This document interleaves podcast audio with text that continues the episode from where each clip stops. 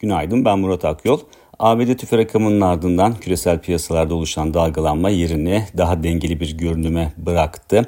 E, ama tabii ki Fed'in ilk faiz indirimine ne zaman gideceğine yönelik bir belirsizlik söz konusu. Bu nedenle makroekonomik veriler olan hassasiyette muhtemelen yüksek kalmaya devam edecektir. E, bugün de Amerika'da açıklanacak önemli veriler var. Tabii ki tüfeyle aynı etkiyi göstermesini beklememek gerekir ama e, perakende satışlar rakamı, haftalık işsizlik maaşı başvuruları, Philadelphia Fed Endeksi ve New York Fed İmalat Endeksi gibi verileri de bugün piyasalar takip edecek. Yarın da üfe rakamı açıklanacak Amerika'da. Dolayısıyla haftayı kapatırken de piyasaların odaklanacağı nokta üfe verisi olacaktır.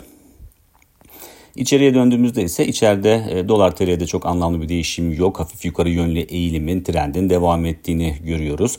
E, ayın başından bu yana baktığımızda kurdaki yükselişin %1.3 civarında olması dikkat çekiyor. Gelişmekte olan ülke para birimleriyle kıyasladığımızda bunun aslında son derece e, olağan bir seviye olduğunu söyleyebiliriz. Medyan noktaya çok yakın bir değer kaybı var e, TL'de. Dolayısıyla aşırı bir e, değer kaybı söz konusu değil.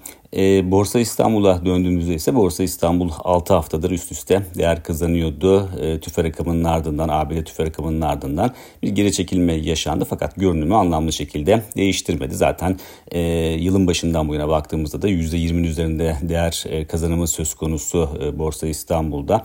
E, diğer e, borsalara kıyasla çok güçlü bir değer kazanımı var. Dolayısıyla o geri çekilme aslında e, çok olağan bir geri çekilme olarak da adlandırılabilir. Kar satışı olarak da bunu e, görmek mümkün. Görünümde çok ciddi bir değişim yok. Teknik açıdan da aynı şekilde değişiklik görmüyoruz. Özellikle 8900 puan seviyesinin üzerinde kalındıkça teknik görünümde belirgin bir bozulma gerçekleşmeyeceğini tahmin ediyoruz.